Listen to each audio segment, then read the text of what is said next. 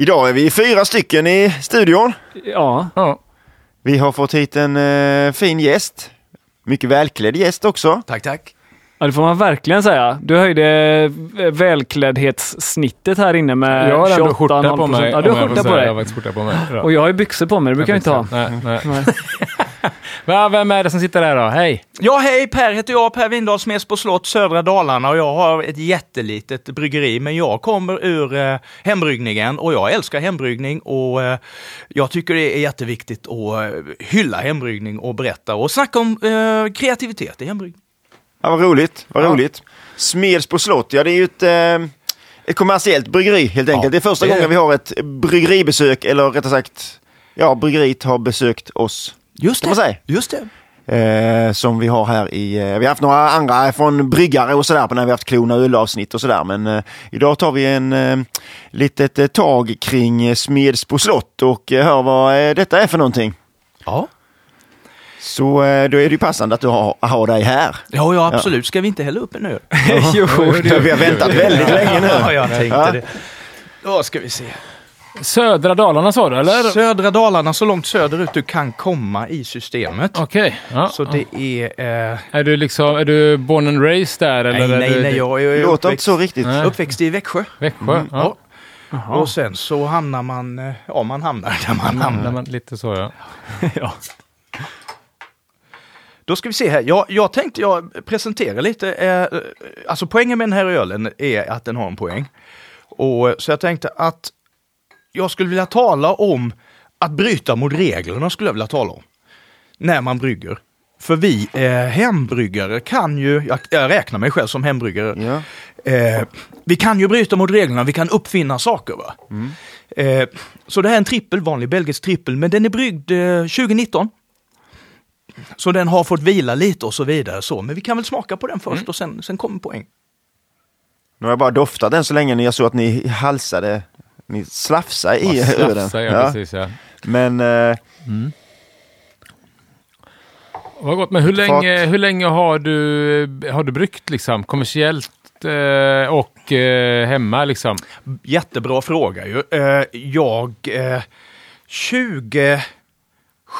2017 hamnade jag på en fest i Stockholm med några tyskar som dömde Nackamässan. Okej. De ja. hade en festival i Kiel. Ja. Och jag hade med mig lite öl och de tyckte jag skulle komma ner. Men jag sa, jag är ju hembryggare, jag är inte kommersiell. Nej. Nej, du kan bli, säger de. Jag åkte ner eh, där, fick med mig farsan. Det var ingen annan som ville åka med ner och festa i Tyskland Nej. i tre dagar. Eh, för demolen var där nere och det är liksom, jag älskar demolen. Ja. Och eh, så vann vi. Okej. Best Brewery så på festivalen. Ja, ja. Och då kickade ju det igång, för jag hade väl börjat ett, två år innan och med den lusten man har som hembryggare, va? att man kan brygga vad som helst, att man är fri. Och så bryggde jag vad som helst, men så tänkte jag, jag är uppe, alltså vin var stort i min familj. Och då tänkte jag, öl som vin. Det finns ju öl som vin som är starka, som är lagringsbara. Och som är komplexa och som gör saker som vin gör. Och då tänkte jag att, eh, ja men det vill jag också göra. Jag vill göra Bier wie Wein som vi sa till tyskarna. Och eh, när jag började göra det, då kunde jag börja tänka kring, då hade jag en vision, liksom, en låda där jag kunde hitta på öl i. Och det kommer ni märka sen när vi testar. Så att, Alltså detta är ju en trippel då ja. Vi Ja. kommer att bes- ska beskriva den utseendemässigt så är den väl gyllengul va? Mm. Eh, Det var ändå eh, en del skumkrona i min. ja. Den är väldigt klar. Den är väldigt klar, Blank. men det är väl liksom när har stått du har kört försiktigt här, inte ett fartgupp på vägen hit. Har du flaskjäst eller? Eh, fla- det är, absolut, jag har flaskjäs, det är det enda jag gör. Ja. För att jag, Ja. Det tar för mycket plats, jag har så litet. Va? Så Okej. att, Mm, eh, mm. Jag gillar flaskjäs, det känns äkta. Men på den här typen av öl och eh, även många gånger så har jag tyckt att, alltså, jag har i alla fall fått uppfattningen att flaskjäst öl faktiskt håller lagring bättre. Ja, jag tror absolut det är så. Absolut. Jag tror också. Nej, men det här var ju eh, väldigt eh, alltså gott. Det är fortfarande en del sådana belgiska, även ifall den, är, den börjar ju få oxidations, alltså lagringstoner. Ja. Absolut. Men, men jag tycker ändå fortfarande att det är en del liksom från gästen kvar. Liksom lite mandelmassa och, eh, eh, och eh, och så vidare. Men är den ekad också eller? Nej, den är inte det. Utan vad det jag, jag sprang på några munkar i Belgien när jag var 16 och förstod ingenting då. Va? Men de körde, de hade precis bytt tror jag från öppna fat till, till ståltankar, till trycktankar. Va? Och, och de tyckte att de hade förlorat någonting spännande i ölen genom att gå över till det. Så vad jag gör det är att jag bara lägger på locket så jag har syretillgång under hela eh, jäsningen. Eh, och då tycker jag att jag får mer Alltså oxidation, är- det är ju ett fult ord igen, om vi säger maderisering istället. Va? Att, att en bra oxidation. Mm, positiv oxidation. ja. Exakt, en positiv oxidation. Eh, så att jag tror att mycket av det som vi upplever som fatkaraktär är faktiskt att de får syre i faten. Förstår ni vad jag menar? Att det finns en oxidation, eh, god oxidationsaspekt på fatlagring. Ja, men, som vinmakare pratar ju mycket om det här mikrooxidation, att vatten släpper i porer som släpper Exakt. igenom, liksom, att man får lite liten oxidation. Eh, och det, så det, det, den tanken uh, fattar jag. Liksom. Eh, men det har ju stått sig ändå, det har ju stått sig väl det här ölet för att vara från 2019. Får jag ju, om jag, det vet Får jag. man säga. Får, Ja. Och det ska stå sig, alltså det, det lustiga är så här. Du vet, man får en Chimay blå som är från 20, 2002 eller något sånt. Va? Så tycker man den har börjat bli gammal. Men jag var på en provning och fick gamla engelska öl. Det finns ju att få tag på fortfarande, gamla engelska öl. Så det var en, en Princess Ale från 1929, det var en Kings Ale från 1902 och så en Radcliffe från 1869, 150 år gammal. Eh, kolsyran var ju väck. Men var de vinäger? Nej, det var de inte. Alltså var den fortfarande öl spännande? Ja, det var det. Så jag tänker så här, kanske är vi lite väl snabba att säga att öl, förstår ni vad jag menar? ja, ja, just det. Det Mm. kanske finns ett second life så som det finns för gamla viner. Jag skulle vilja att det var så i alla fall. Ja. Ja, det är en intressant tanke faktiskt. Ja, det är sant. Ja, att de, eh, att de har en period då de är lite sämre och sen så är plötsligt så går de upp igen efter en, eh, eller om att liksom pratar om, eh, kanske inte kvalitet men med smak och... Men liksom att man kanske inte heller letar efter det som eh, öltypen säger att den exakt ska smaka, utan det kanske kommer fram något annat. Ja, att det blir något annat. Det är precis där tror jag du har helt rätt. Det blir något annat. Ja. Men har du något, kommit fram till någonting sånt här? Liksom, ah, nej, men om, eh, du vet, jag ska brygga öl som ska vara bra om eh, 50 år. Är det något du är ju liksom annorlunda i, den, i din process för att du känner att den ska klara det här? Alltså, liksom? jag älskar dig, det är precis den frågan. det är precis det. Den är nämligen lakad med kokande vatten. Okej. Och jag lakar alla öl med kokande vatten. Aha. Och för jag, började, jag tänkte så här, nu ska jag ha en öl som går att lagra. Den kanske inte är god nu, men den kommer bli god sen. Jag ska Ja, ja. ha garvsyra, jag ska ha tanniner. Ja, ja, nu okej. ska jag ha tanniner, Ja. nu! Så jag gjorde allt jag kunde för att få tanniner. Och det blev så här. Så att jag tror att... Eh, Men det min- var, det var inga tanniner i början heller när den var Åh, färsk. ing- det, ja, ni, ni ska ju se, de här, är ju, ja, de här är ju mycket nyare, de här två till exempel. Ja. Och stark, alltså det måste hänga på ölen. Har du en ljus, har du en pilsner, något finlämmat, håll dig till 78 grader. Mm. Men ska du bygga något stort, ja, då är det tydligtvis, alltså, det är mitt budskap liksom. Mm. Testa. Men om du inte upplever att det ger någon garvsyra eller tanniner, varför lakar du i 100 i så fall? Ja, bra fråga. Jo, för då kan jag nämligen desinficera allting. Ja. Och sådär och bara skölja och i, alltså hinkar och grejer så, så det är himla praktiskt. Dessutom kräver ju ingen temperaturmätning. Nej. För kokt är kokt. Jajamän. Så pang på med, med, med ett par vattenkokare och sådär till, till eh, 30 liter satsen va. Och sen så upp och så nytt vatten på och sådär. Alltså det, det, ja, det är testat. det är, okej. Ja. Men är du lite så liksom känslobryggare, magkänsla, eller är du väldigt så här, noggrann med att mäta grejer och du vet så här, knarkvågar och grejer, eller är det... Det är jättebra. Du, det är nog lite bägge delar. För först, känslan gör att jag testar saker. Jag testar vad som helst. Jag gjorde en öl med en fläsklägg en gång. Det var det värsta jag gjort. Det var så jävla äckligt. Det var så äckligt så det kan jag absolut inte rekommendera. Va? Men, men, och då är det känsla. Men när väl jag har testat saker som jag vet händer, alltså som, eller förlåt, som funkar, då börjar jag bli noggrann för att om jag gör så, något annat sådär så. Eh, det finns ett bryggeri i eh, Estland jag ska brygga med dem som heter Lehe. Och de brygger till 21,9 procent alkohol på vanlig gäst. Eh, och deras bryggare är mikrobiolog. Och då gäller det liksom att följa hur mår gästen? Ja, men då får man vara lite metodisk. Yes. Absolut. Ja, roligt. Ja, alltså, och poängen är ju egentligen att lagringsbar öl är poängen. Ja. Tror du att flaskjäsningen är en viktig del i det? Eller? jag tror, jag tror Coca-Cola-bubblor är för kortare konsumtion. Mm.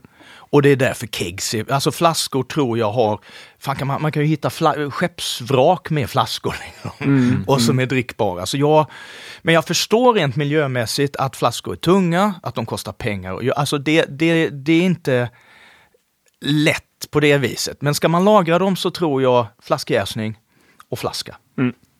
Det, är- jag tror vi är där.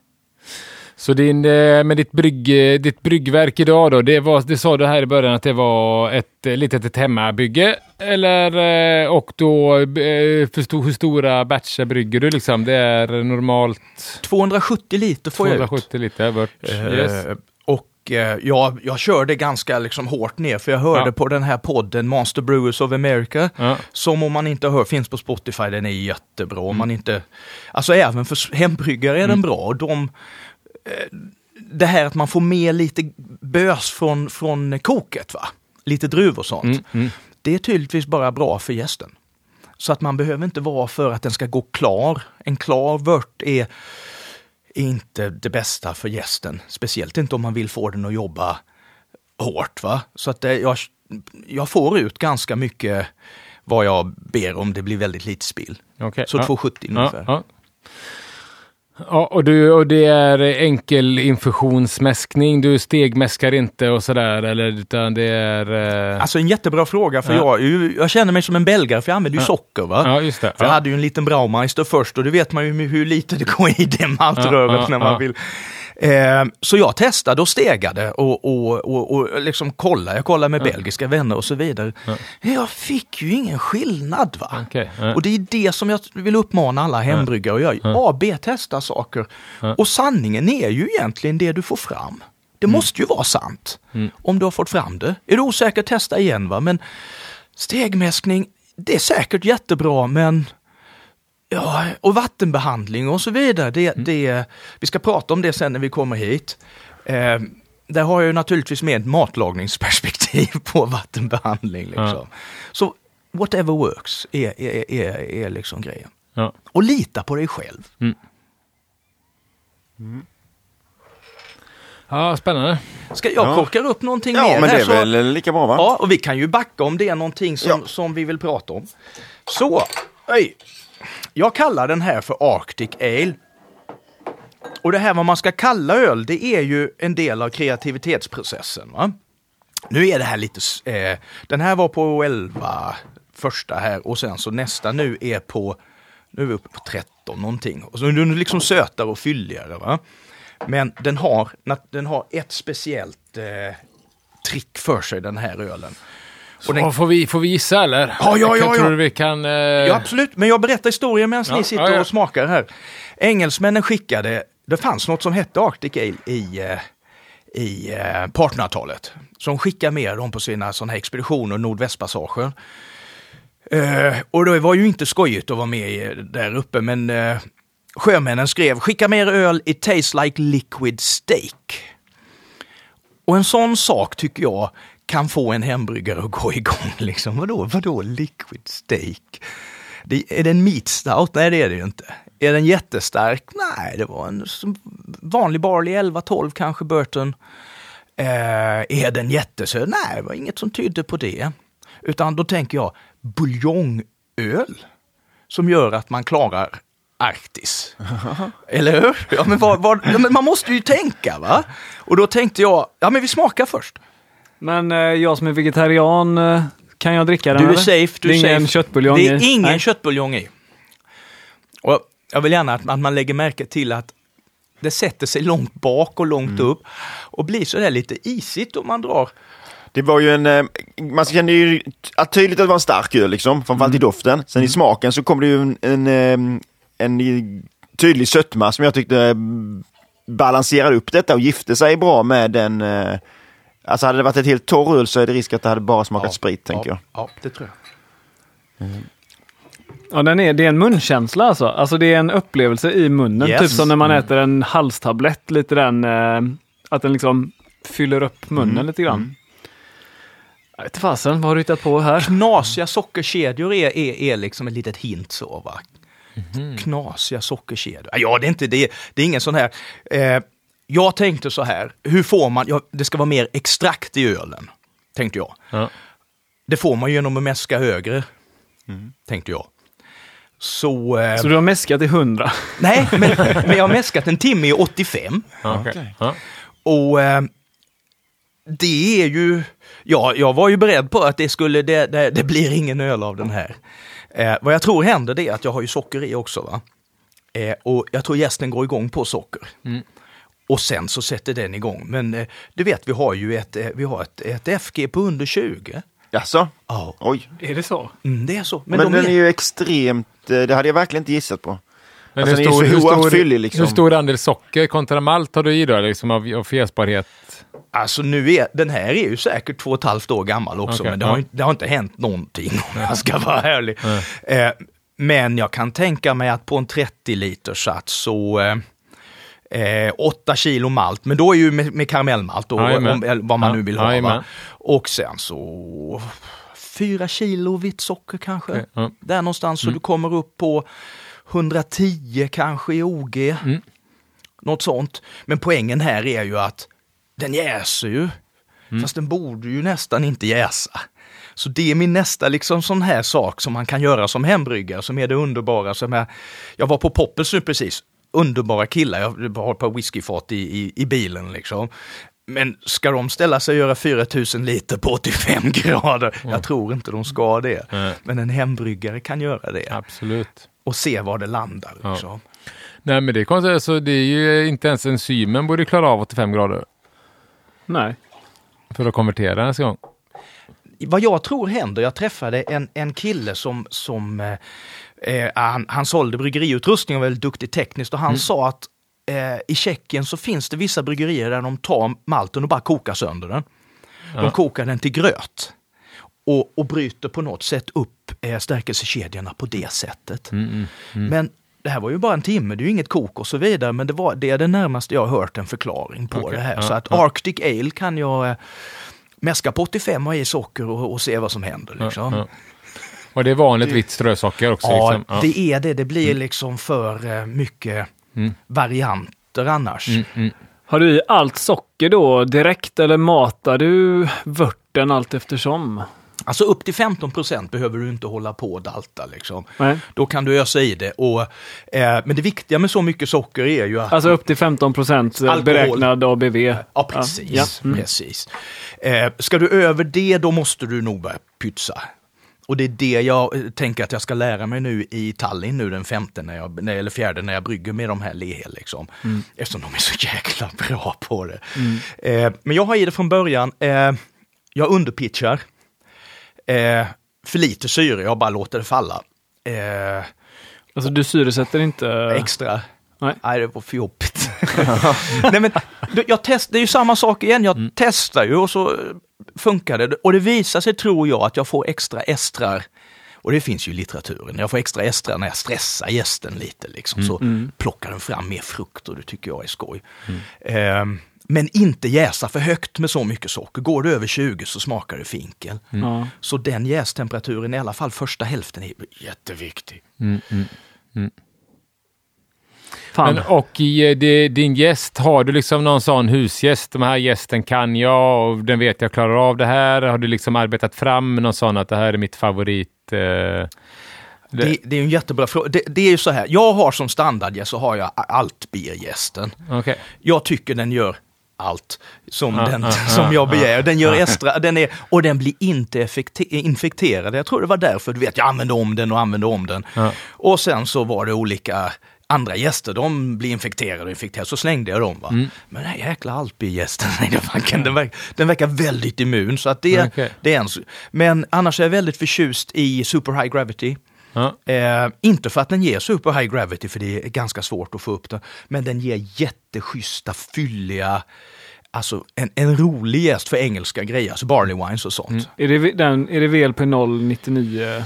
Ja just det, det Den- måste det vara. Jag är dålig på siffrorna men det är en VLP. Den är i tub liksom. Jo, men det är väl det. Ja. Ja. Men du tycker inte den jäser ut för torrt då? Men du... eh, Gör den ju aldrig. Jag, jag, jag bryggde med Poppels eh, eh, en, en, en jätte, en, som skulle kopiera Tokaji, ni vet det här Mm. eh, fem putanjos eh, ungerska vinet, alltså söta vinet. Mm. Och, och eh, Daniel sa, fanken det står här att det kan jäsa till 25 procent och jag sa, jag har nog aldrig fått den över 14. Sådär, va?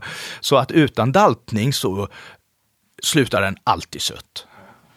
Jag har haft problem med den, men det är som med just den gästen. Alltså att den har gått, jag har ju bryggt barley wine och använt den gästen och den har slutat på typ 10.005. Liksom. Men har du mäskat i 85 då? Nej, jag har ju, det är ju det liksom. Men vilket OG har jag? Saken är att jag tror att den får så mycket socker i början Ja. så den klarar liksom inte av det. Hade jag sänkt OG så tror Ja, jag hade ja. varit precis där du är. Ja, nej, nej, men jag hade, brukar ju ligga, ligga runt 100 tror jag. 1.100 liksom har jag legat på. Ja, så mina- lågt har jag nog inte prövat. Ja, nej. Eh, nej, men det... Ja, men man säger väl att man, om man har så mycket vitt socker i att man, att man kanske förslöar gästen då, eller? Jag, jag tror det är så. Men det var ju min första tanke att jag låter eh, gästen äta det vita sockret för det är lätt. Och sen så blir det maltos kvar för det är ju roligare. Sådär, men nu när jag snackar med, med, med balterna där så säger de nej, det vita sockret på slutet så att eh, det har fått göra det krångliga först. Så jag tror vill man ha riktigt starka öl så är det socker på slutet. Vill man ha maltosgrejerna kvar så är det socker i början. Jag, jag, jag kan tänka mig Men man hade ju kunnat tänka sig annars att du skulle få, att det skulle bli vörtig öl så att säga, när du, eh, när du har gjort på det här viset. Men det har det ju inte blivit. Alltså den smakar ju inte vört, den smakar ju fermenterat. Ja, jag tror det är det, men, men det är ju, det som är kvar är ju vört. Mm. Det är ju Jo, den maltsocker, är liksom så du, ändå, du är eh, rätt på det. Den Liksom. smakar inte sötvört liksom. Den har, eh, den Nej, har, den har ju gått en sväng. Ja. Gått en sväng. För det kan ju finnas en del, framförallt om vi till exempel är alkoholfria öl och sånt, så är det ganska vanligt att de, de smakar liksom sötvört. Ja, för att de har det- inte Alltså jag kan jäst. bli så impone- imponerad av en god alkoholfri öl så jag...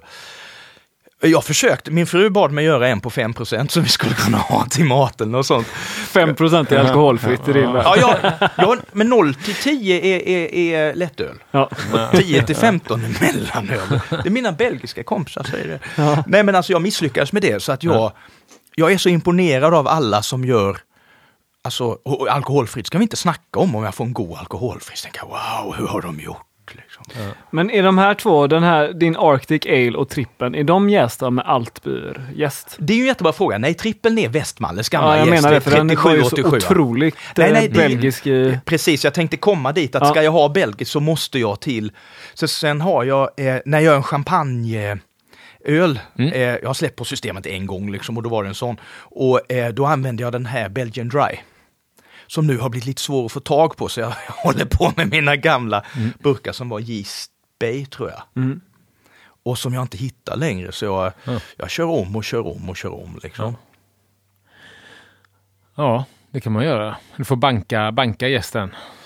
Ja, alltså näring vill den ha. Ja, ja, Men eh, jag, jag, man kan ju träna gäst. ja, Jag, jag bryggde i England med ett bryggeri som heter Wylam. ja. Eh, och eh, då, då var min idé att vi skulle göra en, en English quadruple. Med bara engelska råvaror och de hade ju fantastiskt fin malt. Inge, det, var, det var finaste malten jag liksom, det var helt nytt, det var, det var så fint. Men gäst. Och då tog vi en, en eh, eller då tog jag en West Yorkshire. ja. Eh, och sen så gjorde jag eh, med kanske ett, ett OG på eh, å- å- 80 eller något sånt där. Nej, vad säger FG på 80. Och sen så bryggde jag den. Och sen så tog de det och gjorde och, och odlade upp igen. Okej. För liksom, så vi skulle vara säkra på att den här West Yorkshire, du vet, du kan ju tänka dig, det är en sån här riktig Puböls... eh, 4 precis. procent, ja Mm. precis. Eh, men det, det funkade så, så att den eh, eh, tränade vi liksom Okej. upp. Så, så Ja, gästerna det- kan mycket, mycket mer än vad som står på paketet. Ja. Man får avla helt enkelt. Ja, och sen tänker jag om man använder den många generationer så det är klart att det händer saker. Den Ja, är ju inte ja. detsamma. Eh, och man plockar väl säkert upp Diasticus och, allt möjligt Ja. liksom. Så, eh, ja. Ja, häftigt. Vad heter det kanske vi kommer till, men eh, du, du är väl lite speciellt där med eh, eh, temperaturen för din del med har jag förstått. Alltså, det finns de som säger att jag ska ha varm öl och nu den här är ju direkt inte kall för den har ju suttit i bilen. Men det enda jag tänker på det är kall, då plockar du ju bort smak. Och då, kall öl kan du dölja du vet, bryggfel och sånt. va. Dricker vi någonting i den här temperaturen, då är den naken. Och jag tycker, men då, jag tänker det här, eh, den gamla eh, rödvinstemperaturen, 17 grader, det man kallade rumsvarm förr i tiden, liksom, rumstempererad, tycker jag är supergott på nästan allting. Om den har någonting att ge. Ska du dricka någonting på en sommardag, då tycker jag som danskarna säger kellerkoll, alltså källarkall, är det godaste. Eh, Men du vet, kommer du, till, eh, kommer du till Nicaragua så är alla ölkylarna inställda på minus 3 och jag hörde igår att i eh, Rio så är de ställda på minus 4,9. Och de ölen när de blir varma, det är inget skoj alltså. så där, ja, Du är ju öldomare, just det. så när du dömer öl, eh, hur tänker du då med temperaturen? Alltså om du helst dricker öl, rumsljummen. Bra fråga. Jag, alltså, igår, ja, jag har dömt SM nu, så, som kommer ha varit när det här sänds. Ja, precis. Ja. Ja, det spelas in lite innan ju. Det spelas ja. in lite grann. Eh, och då så, eh, då fick vi dem lite kalla för de står i en kylcontainer. Och, och, och vi fick ta en liten paus för den gick inte att döma i 5-6 grader. För det, det fanns liksom ingen tillgång till ölen för vi vill ju ge den, den ska ju ha sin bästa chans, eller hur? Så jag är nog, det kan till och med ha varit öldomeriet som gör att jag är övertygad om att öl är gott. Bra öl är god. Ja, sval, lite lätt. Inte iskall. Inte iskall, tack! Inte iskall. Ja. Nej, men det har man väl känt många gånger att, eh, att de öppnar upp sig liksom när de börjar bli lite varmare i temperatur. Och jag tror, Absolut. alltså lite starkare öl också, de uppför sig också mer som vin. Alltså det finns en, en du vet, så man kan sitta och lufta ett, ett vin. Jag tror att öl, ja, varför inte? Jag håller med. Jag har väl fra- framförallt stark öl, alltså som, som du säger, mörk stark belgiska ale och Barley-wines. Där tycker jag ju oftast att sista klunken i glaset är det godaste. Det är ingen kolsyra och eh, det är varmt liksom. Eh, Men det tycker jag är ju en av de, det är liksom de få när vi pratar liksom eh, pilsner och sådär så tycker jag ju nog oftast tvärtom. Att där är ju första klunken godast. Men det är också för att det är Ja, men det är hela helheten, utseendet, Ja, välhälld pilsner är, är ju är, är ju något annat liksom, får man ju säga. Och hur kall är en välhälld pilsner? Jag kan inte det. Nej, den är väl inte, en välhälld pilsner, det tar ju ändå tag att hälla upp en bra öl, så det är inte iskallt utan säga att det ändå, att det ändå, tyskarna säger väl att det tar sju minuter att hälla upp en bra pilsner. Då är den 12 grader lätt. Eh, Ja, ja precis. lätt. Då är den källarkall. Ja, ja, då är den källa. Då är vi där. Ja. Ja, du, jag tror på något så. Nej men, Ja, men inga minus fyra liksom. Nej, nej, nej, nej, nej, det, då har man något att förstecken som tyskarna säger. Ja. Ja. ja, men vi öppnar väl lite öl. Ja, det tycker jag. Ja. Men Eh. du, du flaskjäser och då, då tillsätter du nytt socker vid buteljering eller? Nix. Jag, jag lärde mig, eh, när jag hade vunnit, jag vann tre år i rad i Tyskland och efter första året så skulle jag ju då eh, brygga öl och sälja i Tyskland. Det funkade inte jättebra för jag hamnade på ett pilsnerbryggeri. Mm. Och den här killen, jag, det var inte meningen att stöta mig med honom, men det gjorde jag. För jag kallade hans öl för skinny beers. Alltså, jag menade lätta öl. Jag menade drinkable. Alltså, jag sa skinny. Det blev fel. och då, kall, då kallade han Snipp, mina... snapp, snut. Ja. Nej, men han kallar mina öl för voodoo-scheisse. och då, och det, det, det blev ju inte så bra. Men, men fan, nu har jag glömt frågan. Vad var frågan? Flaskjäsning. Just det. Just det. Men han lärde mig en sak. Eh, jag gör en tvångsfermentering. Ja. Den slutar nästan alltid lite för lågt. Jag vet ungefär vad den här, jag har inte så många gäster, jag har några stycken, men jag har inte så många. Jag vet ungefär var de brukar stanna. Och då brukar jag försöka lägga på sex till åtta pinnar på det och sen flaskar jag. Så att den får jäsa på, för jag tänker då har jag en gäst som jag vet är levande Ja. Och jag har socker kvar i, i, eh, i, i, vört, eller alltså i ölen. Ja. Och då flaskar jag, försöker hitta den tidpunkten för jag sparar massor med tid och jag slipper öppna upp och hälla i ny jäst och så vidare. Eh, men det, är värst, alltså, det här med sockerbitarna i flaskan, Ja. Ja, det funkar ju egentligen jättebra. Men det kan man ju inte göra när man ska stå med 600 stycken, då skulle jag liksom dö. Utan jag försöker hitta den här punkten, flaska upp den där, ställa dem varmt och sen går jag och dricker kaffe. Så vad sa du, du gör en tvångsfermentering, alltså du, du kör du magnetomrörare eller låter du den bara stå varmt eller? Den står tillsammans med själva ölen i Ja, princip under samma liknande. Okej, Och sen så eh, när det har gått kanske en vecka eller något sånt där, då kollar jag av den och ofta är den färdig på så kort tid. okej, Den smakar ju inte gott. Men den har ju gjort samma resa fast mycket snabbare. Va? okej. Så om- om den visar 10-20, vad kan du dra för slutsats då? När är det dags för dig att buteljera 10-28. 10-28? Om det är så högt, hade, slutar den ibland, altbieren, ibland går altbieren mer, ner på, på minus. Alltså. Men låt säga att den slutar på 10.05 eller sånt, tvångsfermenteringen. Mm. Då skulle jag nog lägga den på, då skulle jag få eh, flaska på 12 eller något sånt där. 6 till 8 pinnar någonting. Men det är klart, det är inte alltid det liksom funkar. Men det är inte alltid så att det funkar att hälla i socker ändå. Och, för jag hade ett par gånger jag hällde i socker och så jäste det inte och då blev ölen liksom söt, sockersöt sådär. Då tänkte jag, då tar jag hellre risken att den jäser lite dåligt men en smak som jag redan vet. Har ni testat det här eller? Nej, jag vet ju att många, att, att många när man brygger, jag brygger mycket tysk öl eh, och eh, då eh, ska man ju spunda, det vill säga jäser ju i eh, mitt jäskärl och sen så är tanken att man flyttar till serveringskärlet eller kolsyrekärlet precis så här, då man vet att det är några pinnar kvar. För att då äter ju också gästen upp syret som man inte har fått bort från serveringsfatet. Så det är ett väldigt bra, alltså det finns ju inget annat, inget bättre antioxidationsmedel än aktiv jäsning eller jäst som lever. Liksom. Jag vet inte hur många gånger jag har sagt det i den här podden. Är ganska många gånger. Värt att säga. Värt att säga.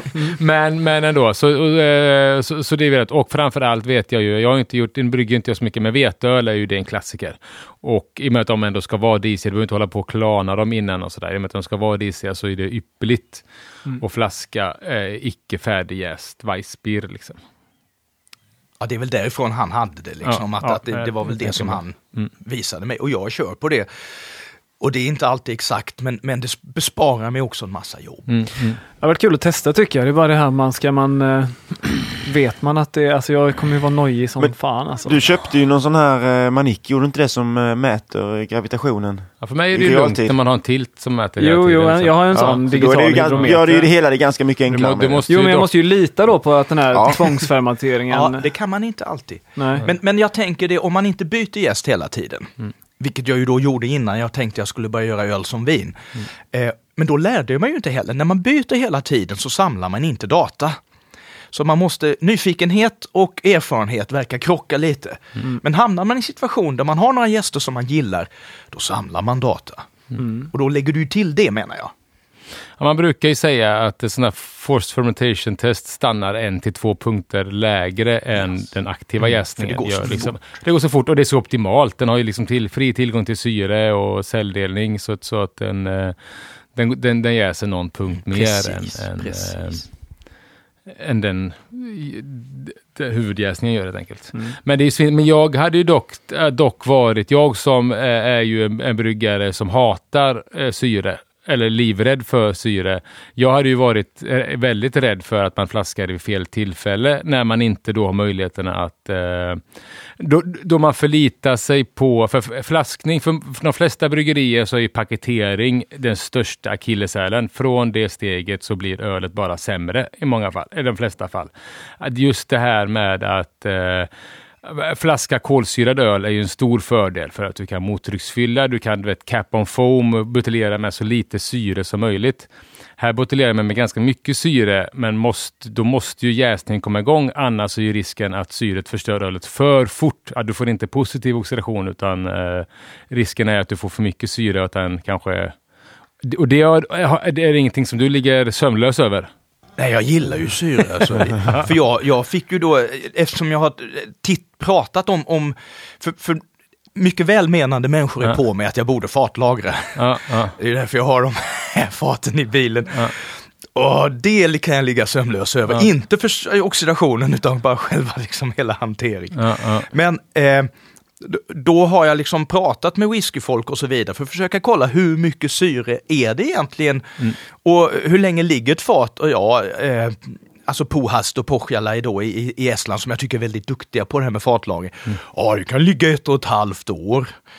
Hur mycket syre har den fått då? Massor. Har ni mätt det? Eh, nej, det har vi inte, men det är säkert jättemycket. Och då tänkte jag, okej, jättemycket. De har jättemycket syre. Då kan jag också ha jättemycket syre. Så att, men jag tror, ska du göra en tysk pilsner? Ja. Ska du göra en IPA? Mycket torrhumling? Inget syre. Har du då bestämt dig för att göra öl som vin? Så eh, ing, ingen fara. Jag tror det är så. Det, det, är, min, det, det är min feeling liksom. Står de rakt upp och ner bara när de flaskjäser eller kör du att de ligger ner eller har du någon? Jag önskar ju de låg ner för det är så snyggt på bild. Men, men då får du ju liksom, jag har ju lite bottensats i och så. Ja, Jag försöker jobba med att få ner den. För jag tänkte att människor som inte är van vid bottensats, som inte är belgare och gör så här innan, alltså svänger på flaskan innan de öppnar den, då kan de tycka att det är liksom, men, men allt är handgjort och, och ja, man får ta dem som de är liksom. För det är väl ett litet säsongtrick så att man låter den jäsa liggande? Gör de inte Det är på det. DuPont? DuPont gör det. Storflaskorna ligger ner och jäser Mm. och småflaskorna står upp. Och han här DuPont kan ju inte dricka småflaskorna. Nej, han, han, han tycker att Det det, måste jag testa. Jag Det, måste att- det går liksom inte att... Jag ska hem. Han kan inte... Det är bara sån här kommersiell grej för honom, småflaskor. Vad blir, skillnad, vad blir skillnaden när den ligger ner då? Eh, Du har större kontaktyta med Syret. ölet så att, så att Bubblan syre, i sy- liksom. syreupptagningen går eh, så mycket, så mycket fortare. Liksom. Eh, Så Mm. du får minskad oxidation eh, när du flaskjäser liggande än stående. Liksom. Det ska jag kolla när, alltså, Mm. men det är precis sånt här, när jag får höra sånt, så jag tänker, det där måste jag testa. För, för, förstår du? För Mm. Ja, det, ja, det, är ju, det är ju jätteskoj om det gör skillnad. Liksom. Ja, ja, visst. Ja, Jag kör, jag är med. Ja. Jag är med. Men det brukar man ju prata med vin, eh, man, om vin också, att magnumflaskor är godare, att det är skillnad på magnumflaska och vanlig flaska. Och det, också att det har med oxidation att göra, mindre yta eh, kontra vin liksom. I, Sankt Bernardus, rätt värdelös på småflaska tycker jag. ja, ja. Och på storflaska så jäkla himmelsk. Ja, ja. Är det någon öl som är skillnad så är det väl Sankt Abt. Ja. Alltså helt, man tänker, what's the point med den lilla och så kommer en storflaska. Så, Jaha, ja. Ja. Så, skicka glasen mina herrar. Yes. Så, nu har vi en, en annan, en annan eh, eh, Öl? En, Eller? ja, en annan, En annan historia. En annan historia. Ja, men det är kul med historier, Ja, så får ja, man inte verkligen. tråkigt liksom. Och eh, din eh, flaskningsteknik då, då kör du, du sa mycket för hand liksom. Ja, ja. Är det, är det, då, då tänker ju en del, tänker ju flaskslang, silikonslang, häv, pumphävd och flaskfyllare eller är det, eller är det någon slags gas och tryck? eh, nej, nej, det är, är, Självfall. det, är, det är så enkelt. Jag, alltså, jag hade en sån här liten, jo, jag hade en liten Enolmatic, du vet den här vakuum. Ja. Men eh, plasten var då, du vet, jag har ju ingen värme i bryggeriet så jag brygger ju med handskar och någon konstig polsk sån här rävskinnsmössa på mig. För det finns ingen värme där nere.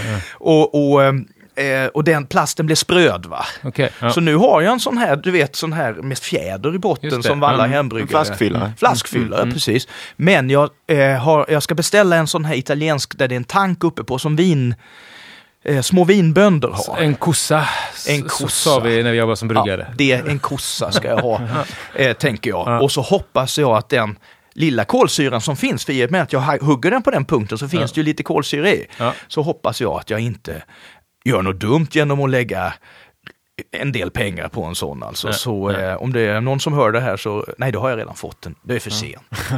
Vad har vi i glaset här då? Ja, Double Stout Porter. Eh, porter tycker jag är jätteskoj. Jag tycker det är undervärderat. Eh, jag gillar dels eh, Östersjöportern, Baltic Porter. Och sen så gillar jag London-portrarna liksom. För jag tycker de får ha lite tunnare body än en stout. Och sen tycker jag om lång eftersmak. Ja, där, du har väl båda de delarna här i skulle jag säga. Mm. Mm. Ja, det var Väldigt lång eftersmak är det. Också lite russin. Mm. Mm. Inte så mycket ändå. Nej, jag kom- tycker det kommer på slutet, men det var väldigt gott. Och då, Ja, det är ju då en rejäl pjäs liksom. Den luktar mycket mer alkohol än den smakar. ja, Den luktar ju starkt alltså. ja det, men jag hoppas inte den luktar för spritigt för då, då är det fel. Den får lukta värmande tycker jag. Ja, men den luktar värmande. Det Ja. skulle jag ändå Ja. säga. Och sen så att man döljer, det vet det här är nu, nu är det ju över 15 knop här alltså. Jo, men det, jag håller med om det att det är en värmande alkoholdoft liksom. Men sen så är det så mycket smaker i det sen så liksom att man får ingen spritig smak i munnen. Nej, liksom. det är det viktiga och inte på refluxen när du andas ut och så heller, utan att det känns mysigt. Va? Eh, poängen med den här ölen är vattenbehandling.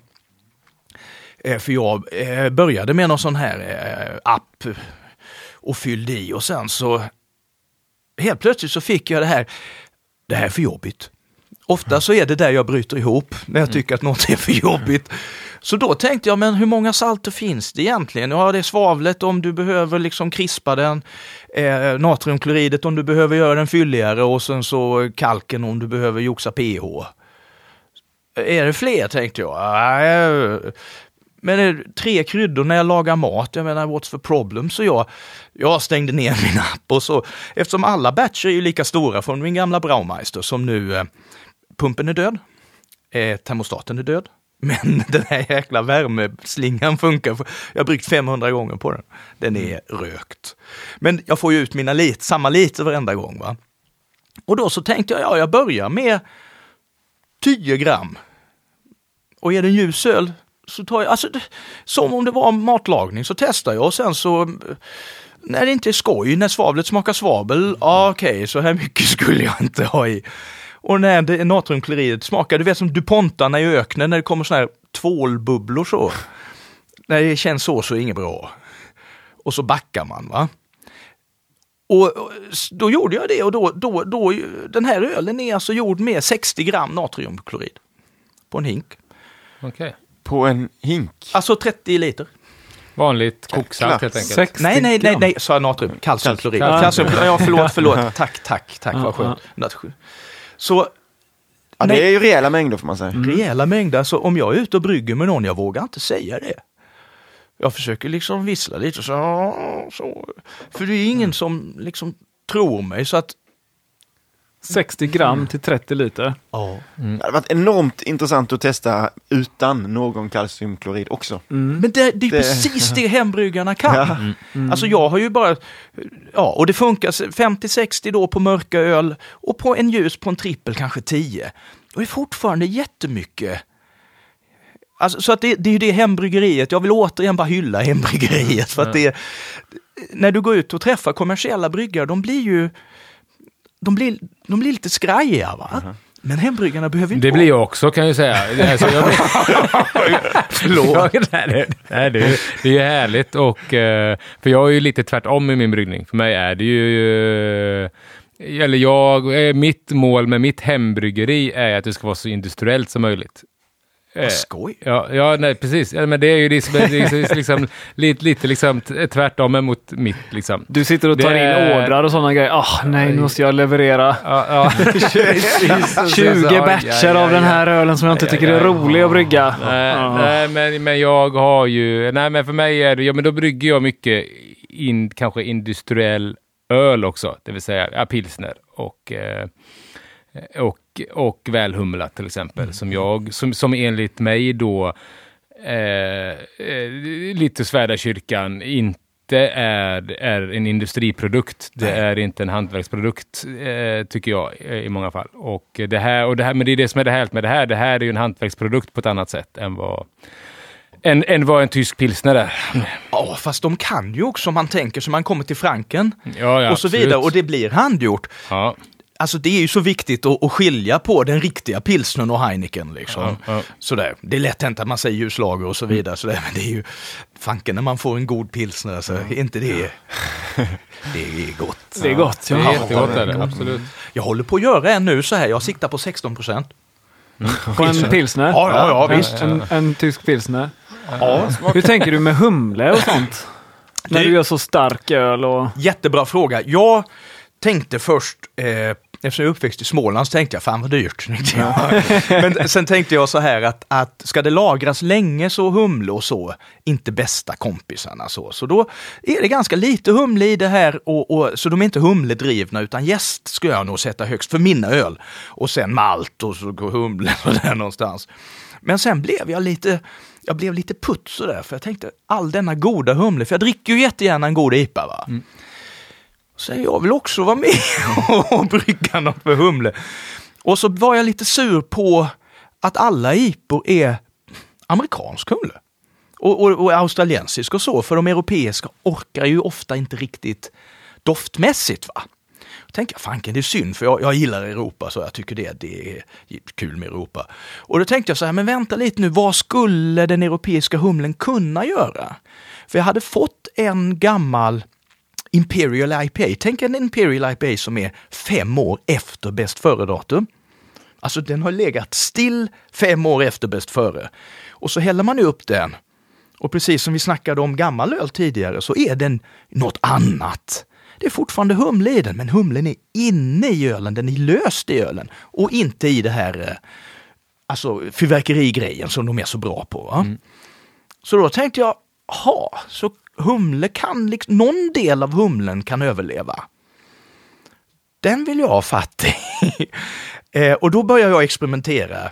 Eh, en ljus öl och så humlar vid olika tillfällen för att se med europeisk humle. Och, och som gimmick då så köpte jag alltid rea-humle. Bara som lite motstånd mot det här att det ska vara så fräscht. Va? Men där vakuumförpackningarna är tajta och fina. För jag tänkte, vad har jag förlorat genom att köpa en rehumle? Jo, jag har förlorat det här flyktiga.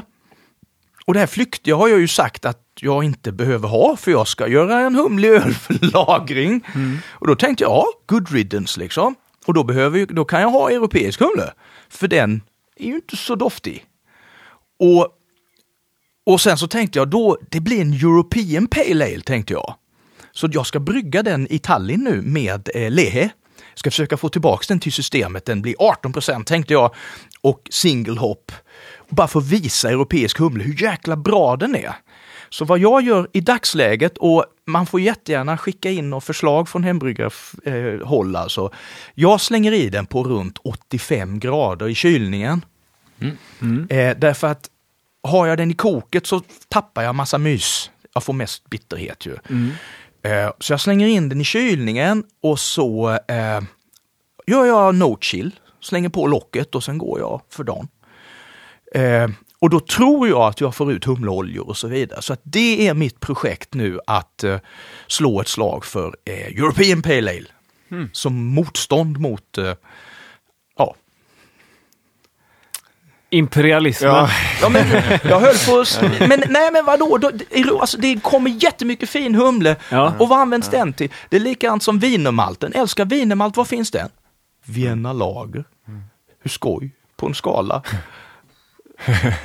Nästan alla mina öl har, har wienermalt. Ja, men de har i sig. Men jag ville göra en öl som bara smakade ja, viner, som ja. smakade som du tog en näve och bara tuggade på ja, den. Så jag har gjort en öl som heter Viner som är en hyllning på du vet, 15 procent alkohol och en hyllning till wienermalten. Den känns som du tuggar malt. Okay. Men vi gjorde ju eh, här eh, för några avsnitt sedan en special med just tysk humle, alltså lite nyare humlesorter. Då. Kul! Vad heter de? HVG? Ja, det är humletillverkaren då, eller vad säger man, eh, producenten, ja. odlar en av de största i Tyskland, ja, som håller på och forskar och odlar då, de odlar amerikanska humlesorter i eh, Europa då, som Amarillo och tar, försöker ta fram eh, mer oljedrivna humlesorter helt enkelt. Låter ju perfekt. Är det, är det hyll då det här med Ja, är bland annat hyllmeloner tror jag är deras och mandariner är väl just deras. Det, just och sen så kommer de med någon ny tango och Jätteskoj. Kalista. Som, som, eh, Kalista, jättegott. Mm. Nej men det är, så, eh, så, så, det, jag tror att det också kommer nog komma mer sånt. För det är ju som mm. du säger, rent hållbarhetsmässigt så är det ju eh, kan det ibland vara dumt då. Man tänker på all humle som skeppas från USA. När vi, ja, har, ja, när vi har ett av världens bästa humleodlarklimat. Ex, exakt så. Men då måste vi ju ha, hitta en punkt i bryggningen där den blir som bäst. Mm. Mm. Och det är det jag försöker, som sagt, men gärna feedback alltså, för jag, är- det är precis något som jag har gått igång med, alltså European Pale Ale. Det är, vä- du har jäkligt spännande idéer. Det är skönt med någon som är lite motpol liksom. Mot Till, vadå? eh, mot allt det gängse, gängse snacket liksom. Ja, det, det, är- jag, jag försökte att det här Smedsbo skulle handla om munkpunk, men det var ingen som tände på, på den slogan. Ja. Jag, Ja, jag tar min sista öl här bara Ja, för att eh, eh, kreativitetsgränserna har eh, inga gränser. Så då kör vi. Ja, jag tycker det är, jag är himla tacksam att få komma hit och, och sitta och snacka ölen sväng. Det är jätteskoj. Ja, vi är väldigt tacksamma Bryggde också. du med eh, Poppels nu eller var den bryggd sen innan? Den Ja, här den, Tokajen? är, den har ju legat på fat i tre år. Alltså. Okej. Så att den kommer ut nu ganska snart på deras, ni som bor i trakten. Mm. Eh, på, den är jättegod. Det smakar som en halvsöt sherry, en Pedro Jiménez liksom. Eh, så den kommer väl bara gå på deras restauranger, tror jag. Mm. Och så har de buteljerat den på 37,5 år. Är ju jätteskoj alltså, det är ju dessertvin. Ja. Ja, så. Här är en öl som jag kanske har uppfunnit eller också har jag inte uppfunnit den. Jag hade ingen natri- eh, vad heter kalciumklorid hemma så då tänkte jag bordsalt. Och då tänkte jag, det finns ju gåse, eller hur? Så salt är ju rätt gott men eh, det får ju inte vara fjuttigt med salt i. Ja, skål på er. Skål.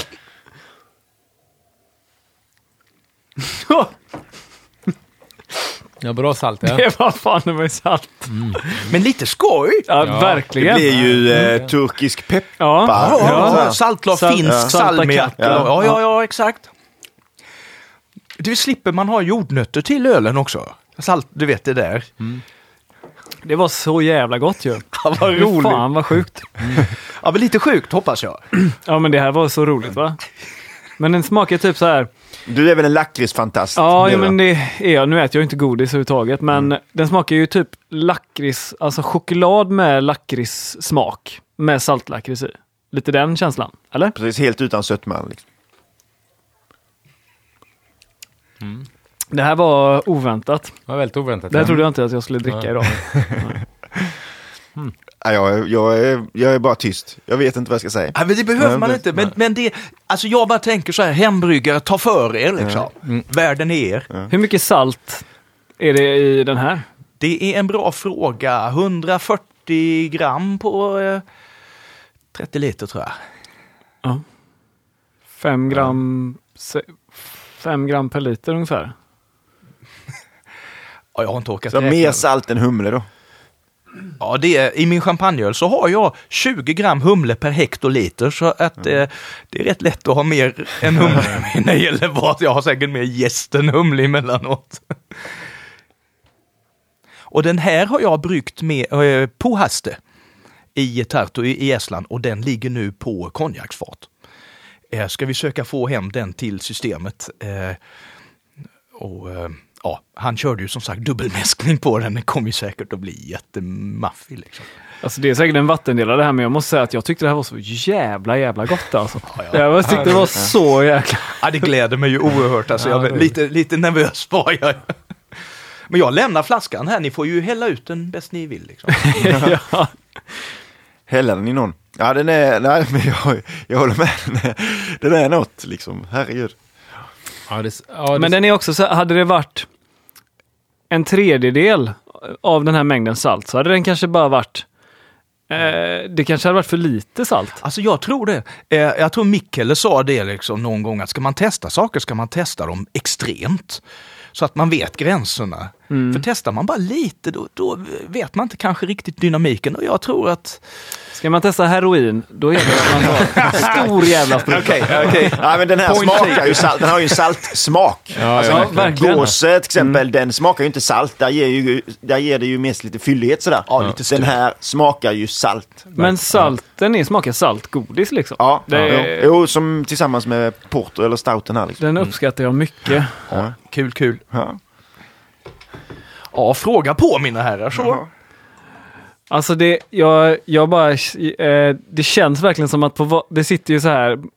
Per sitter på ena kortsidan och så sitter Magnus på andra kortsidan. Det är fan, ni är såna jävla motsatsmänniskor alltså.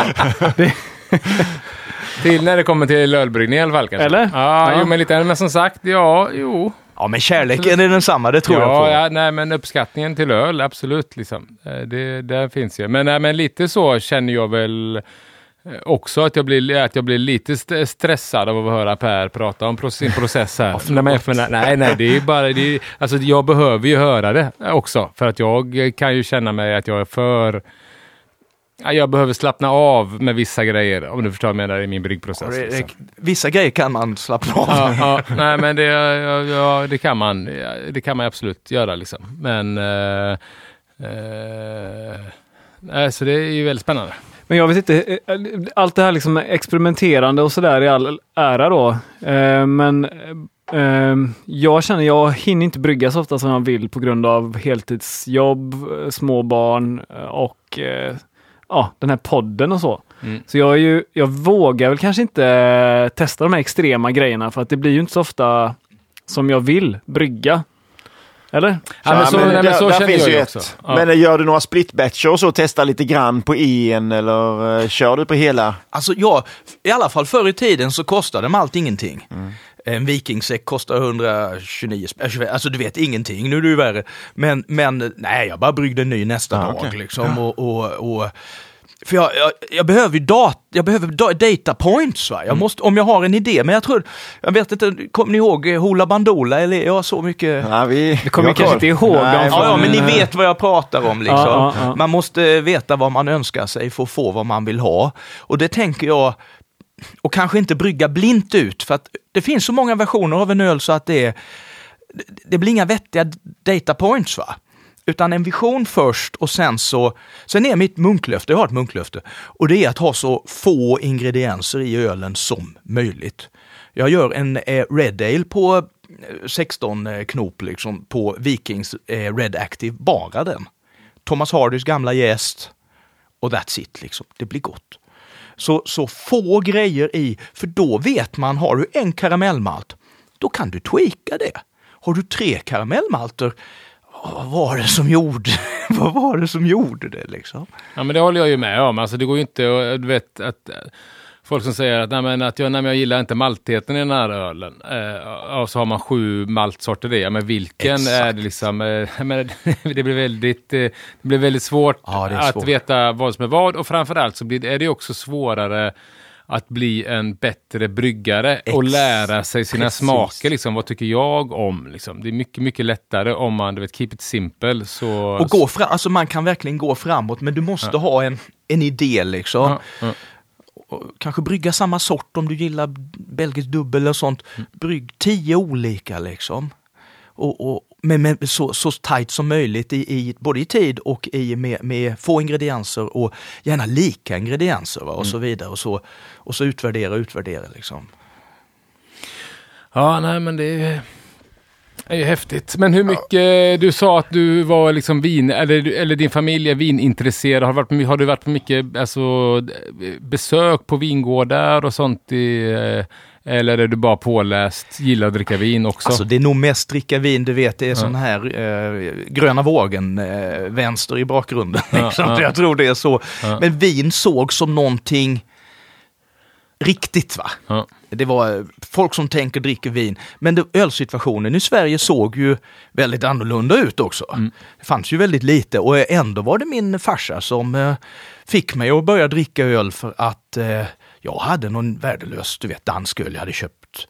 Man ville ha hjälp med plogning eller något sånt där och bastu och sådär. Sån öl. Och han sa, nej så här kan du inte ha det. Och så, och så eh, lite som belgarna, bra tjeckiskt och sådär. Och då... Och, men det, det bet inte riktigt förrän jag tänkte öl som vin. För helt plötsligt så, eh, och jag var nere i, i eh, eh, Växjö för någon vecka sedan och pitchade ölen på en stjärn Michelin-krog. Inköpskillen på PM och vänner i Växjö. Inköpskillen och, och sommelier där va. Och de vägrade se det som öl. De visste ju att det var öl naturligtvis, men de struntade i det. Och, och, och så, ja den här malolaktiska mouthfeelen du har, var har du fått den ifrån? Så att jag tänker det att vill man, det är helt möjligt att nå vinmänniskor med sånt här. Men jag skulle behöva ett helt nytt språk.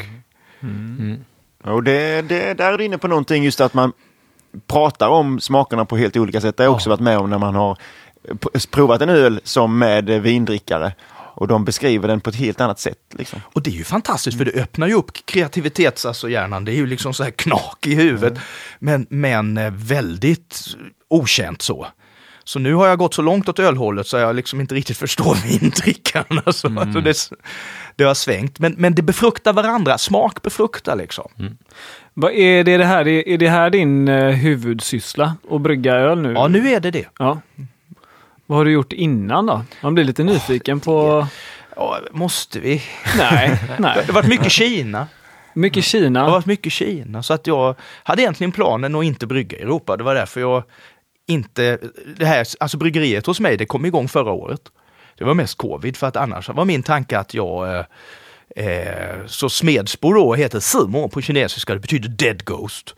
Och eh, det trodde man ju alla spöken var döda, men i Kina har de har massa olika. Så det, Simon betyder dead Alltså, ghost. Ja, fan, det tänkte jag inte på. Alltså. Alltså, Men det så, så, så eh, nej, det har varit mycket, mycket Kina. Och det kan bli Kina igen alltså om, om jag... Eh, Och undervisat eller eller bara arbetat? ja, mest, mest eh, jobbat och Okej. hjälpt till Ja, och, och eh, åkt runt och med Okej. för, alltså allt möjligt. Ja. Ja. Så då har du pluggat kinesiska? det gjorde jag. Eh, lite halvdant gjorde Ja. jag det, men jag pratar kinesiska men jag är jäkligt dålig på att läsa så be mig inte läsa något för det är hopplöst.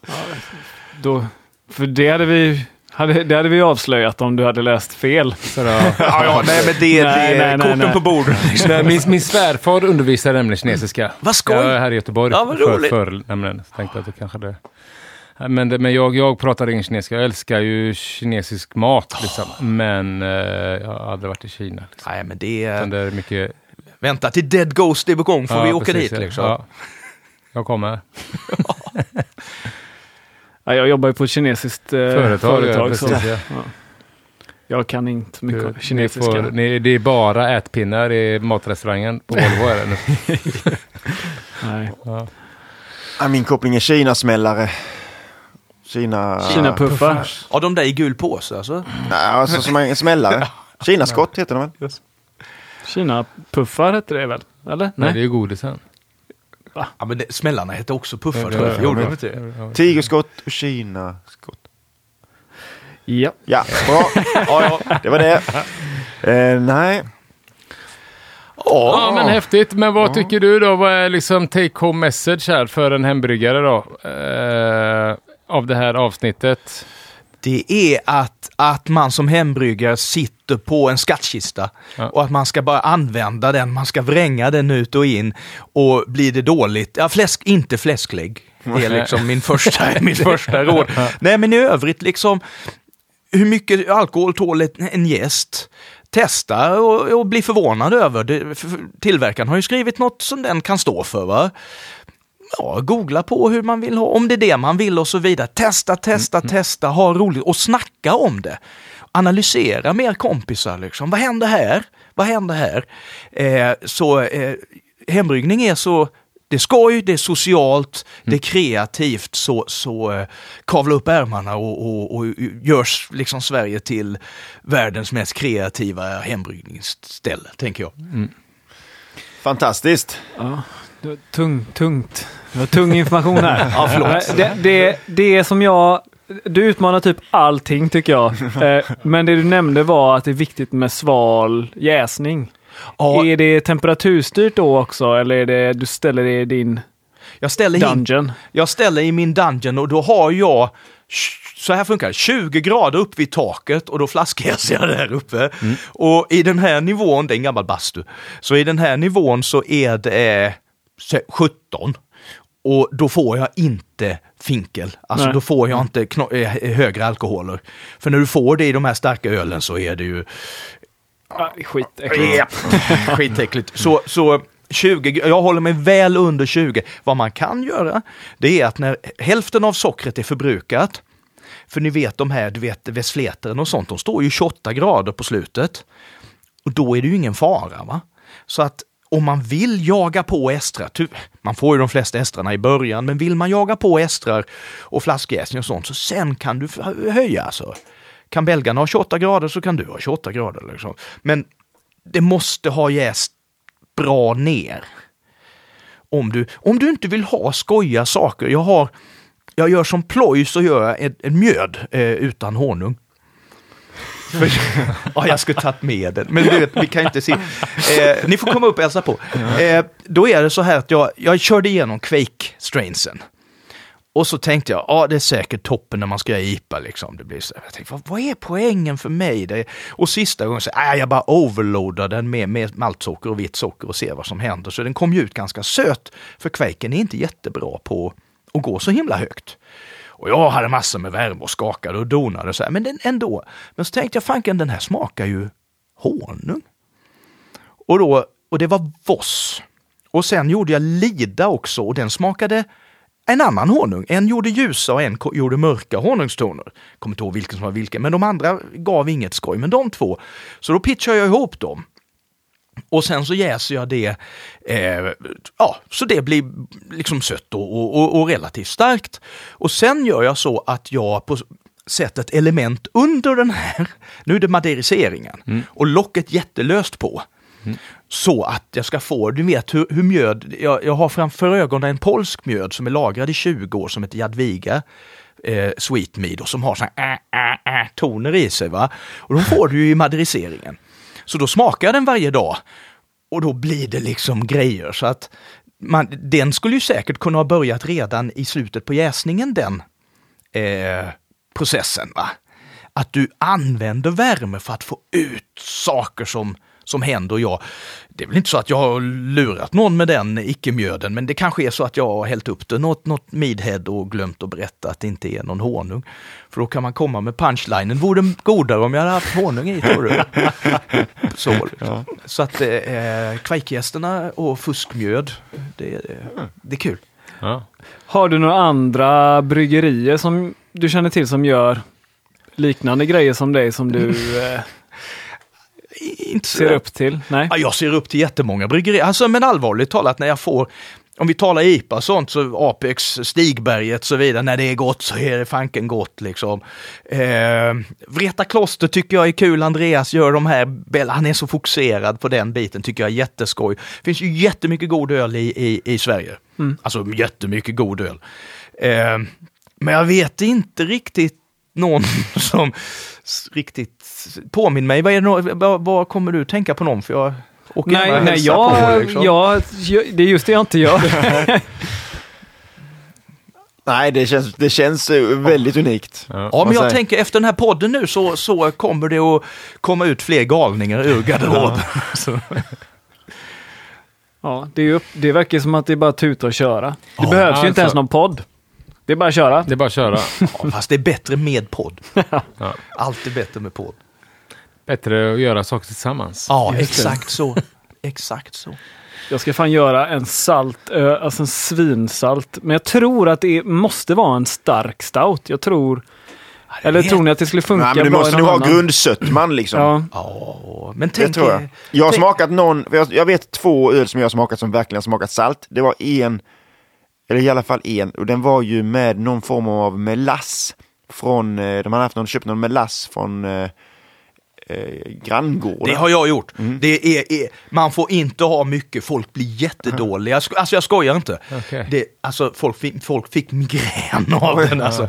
Så att, eh, granngårdens melass är smutsig på ett sätt. Utan vill man ha den i en kvadrupel till exempel, jag snack, vi, vi snackar en halv deciliter till 30 liter. Jag kommer inte ihåg hur mycket de liksom, hade tagit, men jag kommer ihåg att den tydligt smakade salt. Inte liksom. på ett positivt sätt som det. men vad jag har druckit, äh, gåsebryggd på saltvatten. Kan ju ha med att dina öl är 18 procent också att göra. Saltvattensgås har jag druckit. Vad kul. Ja, det var... Jo, på havsvatten. Men det är ändå ja, mindre... Är... Vilk, vilk, från vilket hav? Eh, från eh, västkusten här va? Tror jag. Det är, det är gott en och en halv procent ja, eh, typ ja, salt. Så det är 1,5 gram per liter ungefär. Då. det, är, det är en tredjedel. med det. Och då hade han ändå blandat ut det för det blev för salt annars. Ja, ja men jag tror att det skulle varit mer salt i. Ja, det, svaret är mer alla frågor. Så. Men som sagt var, man kan gärna höra av sig, eh, Smedsbo slott på, på sociala medier, om man vill fråga något och så. Ja, för ja, så, roligt. så himla mycket eh, människor har jag inte som frågar saker. Får jag jag fråga en annan grej Ja. som jag kom tänka på nu här bara. Har du labbat något med rökmalt? Vad tycker du om rökig öl? Mm. Ja. Rök liksom? Det, jag tycker det finns två sorters rököl. Dels den som smakar prickig korv, Ja. som jag tycker om. Och dels den som smakar mer åt whiskymaltshållet, som Mm. jag också tycker om. eh, vad jag har gjort, det är den här special, ni vet den ljusa röka. Mm. Jajamän. Väldigt förtjust i den, för Mm. den är så clean. Men jag tänkte 5% det kan man ju inte ha, så jag gjorde den på 13. Ja. Eh, och lite restsötma. Och då hade jag först bara bokmalt. Och det blev lite jolmigt, va? för bokmalten är rätt söt. Så då blev det på 30 liter pilsner och se, pilsnermalt eh, och sen så ett kilo bok och ett kilo ek eh, rökt. Okej. Eh, Och sen så upp till 13 procent. Och lite restsötma som håller uppe det. Jättegott. Men jag tror att jag låg helt i underkant på röken. Eh, Så jag tror att skulle jag göra om den så skulle jag liksom... eh, Jag förstår inte varför jag fegade så. Nej, du får nog köra på... Eh, du har väl någon egen rök där hemma? Du har det mesta, låter det som. Alltså, Röka jag- på malten lite. Alltså det, ja, det låter jobbigt. Nej då. Men eh, vad tänkte jag säga? Att där har du ju ett uppslag till att göra en eh, odestillerad whisky då. Alltså det är ju lite, ja, kanske inte så starkt, men det fanns några jeppar i London som heter Yeasty Boys som gjorde en på ren Lafoig-malt. Eh, jäkligt gott blev det alltså. Men det är klart man skulle kunna gjort den och försökt pumpa upp den, om jag nu lär mig att köra upp dem till 21,9. En sån grej. För på 21,9 så känner du alkoholen. Liksom. Du ser uppslag, det finns uppslag Ja, överallt. Ja. Vad var det Kalle, Kalles... Han alltså var Kalle som var gäst 20. här, Mm. eh, han hade med sig till Porter Stout-träffen. Mm. Den var väl på 21,5 Ja. tror jag, hans porter, han dunderporter. Och Mm. Hörde att den var väldigt bra, men jag var alldeles för bakfull för att Ja, smaka mm, Precis. på någon öl. Den Då har du druckit eh, Lafroig på suggan. Ja, Nej. nej. Men, eh, nej, men, eh, nej, men, det, men han ju- ju matar ju med enzymer. Ja. Matar han den med. Ja, men och socker. Precis. Ja. Ja. Men var det en mörköl? Mm. För saken är att det är jättespännande. Eh, för nu när jag har eh, pratat med Lehe om den vi ska göra tillsammans Mm. så har de sagt att de har slutat med enzymer på mörköl för det, det blir så jäkla tunt. Okej. För den här alfa-amylasen, vilket jag mm, misstänker att det är, mm, mm. eh, den tuggar ju i sig precis allting. Allt, ja. Så eh, eh, Matti, den här mikrobiologen Mm. de har som, som eh, bryggare där, han sa vi kör det på ljusöl. Mm. För att det, det blev så lite kvar i stouten. Okej, ja, ja. Eh, Och jag vet, jag har ju inte testat, men Nej, eh, nej. det kommer jag ju säkert Ja. att göra. Spännande. Det är ju jätteskoj. Gött! Ja, men det... Tyst det blev där. Tyst det blev det. Ja, ja. Nej, jag ska ju hem och jag får hem och... eh, Slänga dina Släppa. pH-mätare och Nej, knarkvåg. tvär, lite tvärtom. Du kanske kan få låna Simons Jag, tesked. jag känner Ja. mig, jag känner mig Oj, lite... då har man tagit ut. Magnus blev, eh, gick, jag känner mig han lite... reagerade på när jag sa att jag använde tesked för att hälla i eh, salten. Alltså mäta upp salterna. Det I det en halv då, har tesked. man, då har man gått långt i Magnus värld. Liksom. Ja, nej, men jag känner mig lite, lite otrogen efter det här avsnittet. Mot, mot min bryggutrustning hemma. det, Nej, det, jag jag, jag är säker på att det är toppen. Det är bra också. Det är bra. Jag behöver, eh, jag behöver plocka ner i verkligheten lite. Tror jag.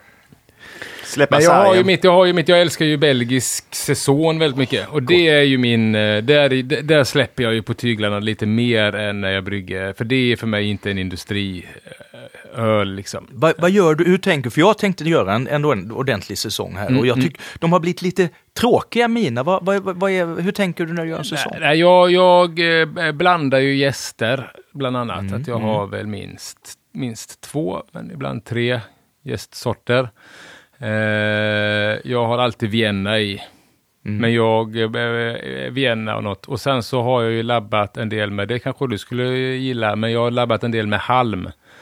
Ah, ja, nu, Eh, alla, alla, alla, alla Litauen och ha halm i mäsktunnan. skoj, liksom. skoj, skoj. Och det tycker jag blir ju, ger ju en till karaktär. Liksom.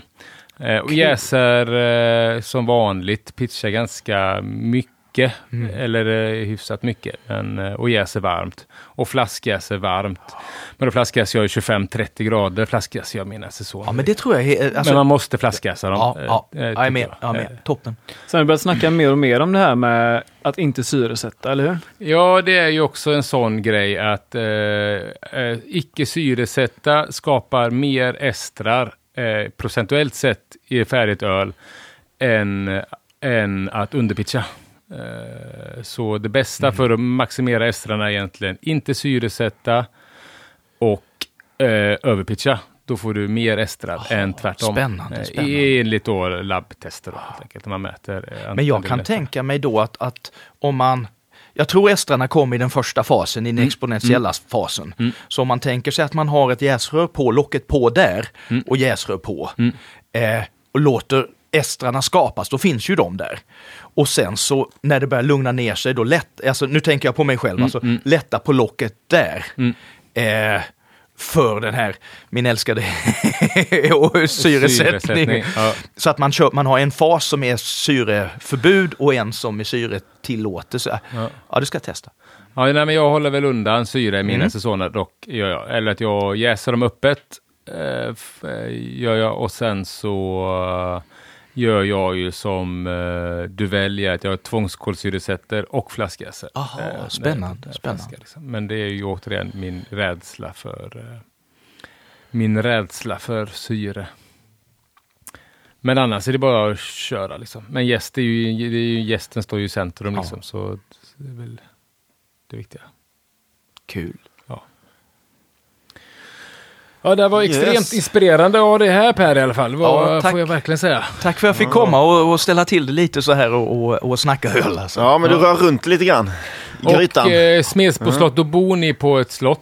Du, Det är ju världens sämsta slott. Men det är torn och, och, och, och sådär. Ja, alltså. ja. så, Ja. eh, Världens ja, det, det, det är... Inte ens en vallgrav alltså. Nej, nej, nej, det är Ingen hopplöst. drake. Ja, ja. Men det är mycket älskat liksom. Det, det är ett mycket älskat. Men För, så, det, för, det, för det låter ju lite som att det här vore perfekt för något ett litet taproom med servering i framtiden. Man, det är så jag tänkt när man ser det framför sig. En liten alltså jag, har ju, ett- jag har ju ett slottscafé med- provningsrum. Du har Vi, det, vi ja. har ju, till, vi har ju Det har det. tillstånd, okej, vi har ja, tillstånd till ja, det. Okej, vad coolt. Eh, så att det är, men du vet, vi ligger ju en bit ut på landet så att det är ju, eh, är inte, eh, man får liksom samla sig om man skulle ta sig härifrån Okej, upp till ja. södra Dalarna. Men är när man på väg till Stockholm eller något sånt där, Ja, ja. så, eh, så eh, absolut. Vart är närmsta större ort som man kanske känner till? Jag, känner, jag kan Stockholm, Göteborg och... Ja, du kan, upp, Karlstad. du kan Uppsala ja. och då är du nästan, och så lägger du på lite ungefär samma riktning, nordväst Stockholm Okej. Och så något sånt. Ja, Och så i skog. I skogen. ja. Spännande. Ska vi dra dit eller? Som, Det eh, gör vi. Lätt, ja, välkomna, välkomna. Vi åker dit, med, ta med oss Jag tar, med, jag tar med PO-mätaren. Precis. Patreon-mätaren. Eh, nej, men absolut. Ja, super. Sjukt kul! Ja, jättetack och så, eh, ja. Nej, det här var svinroligt ju. Ja. Ja. Det här är, du är en disruptor. Ja, Man pratar ju mycket om disruptors nu för tiden. Men jag tycker det är skoj. Och eh, var, om man vill det, få tag på dina öl förresten, eh, då, har du några på Systembolaget? Annars är du, är du runt på ölfestivaler någonting? Eller Alltså, du, vad, vad? Så här är det Ja. uträknat. Eh, vi släpper på systemet det mesta. Ja. På, eh, eh, och det är ju lokalsortimentet. men vi, TSLS. eh, exakt, ja. men vi är på depån. Mm. Så vad man får göra det är att nästa gång vi finns på systemet så är det i eh, juli. Okej. Och vi släpper 450 flaskor numrerade för hela Sverige. Okej. Så idén är att de som verkligen vill ha tag på vår öl, Ja. de har då sett på någon, eh, hos systemet eller på, på sociala medier eller något sånt att då släpper vi Mm. Eh, öl och då beställer man det och Just det. köper dem och sen är de väck. Ja. Men ni har Smedsbo slott, finns på sociala medier Ja, och, eh, och sen så kan man åka upp och hälsa på er. För, på ja och då ska man ringa innan för annars blir min fru vansinnig. Okej. Ja, Ja. just det. För då kan hon sitta och dricka vitt sött vin. Ja, det är, när det är som bäst. ja, ja, det låter också väldigt härligt tycker jag. Ja. Ja, grymt. Vi får tacka så jättemycket. Tack. Ja, Tack. tack så jättemycket. Ödmjukast. Vad har vi här då? Det, det, eh, ditt eh, ölstilsavsnitt Det nästa... dopp- doppelbock. Doppelbock. ja. Doppelbock. Spännande om två veckor då alltså. Dubbelbock. Ganska, ganska svag öl. eh, Ja, men det, dina- det kan man fixa förstår du. Det är, det lugnt. Ja, precis. Nej, men en dubbelbock blir det. Det tillbaks till de tyska renhetslagarna. Nej, men eh, det blir det väl till eh, nästa vecka. Eh, ska se om jag kan skoja till det på något sätt Ja. efter det här. Kanske göra en salt dubbelbock kanske. Skulle nog kunna Salt. funka. Jag och en kompis mässade och undrade varför ingen, ja, om vi ska brygga med MSG någon gång. Wow. Just det. Om man ska te- testa det. För viss Porter Stout kan ju dra lite åt soja ibland. Liksom. Och Ja. det har jag någon kompis som bryggde Kul. med ett japanskt bryggeri och hade soja i sin Imp Stout. Kul, Eh, kul, Med kul. japansk soja. Eh, så det Jättekul. kan jag skulle kunna göra. Det är också ändå, ändå en fermenterad produkt. Ja, verkligen. Mm. Spännande. Ja, vi får se. Vi ser fram emot detta. Ja. Då avslutar vi med, ett eh, rungandes Halleluja!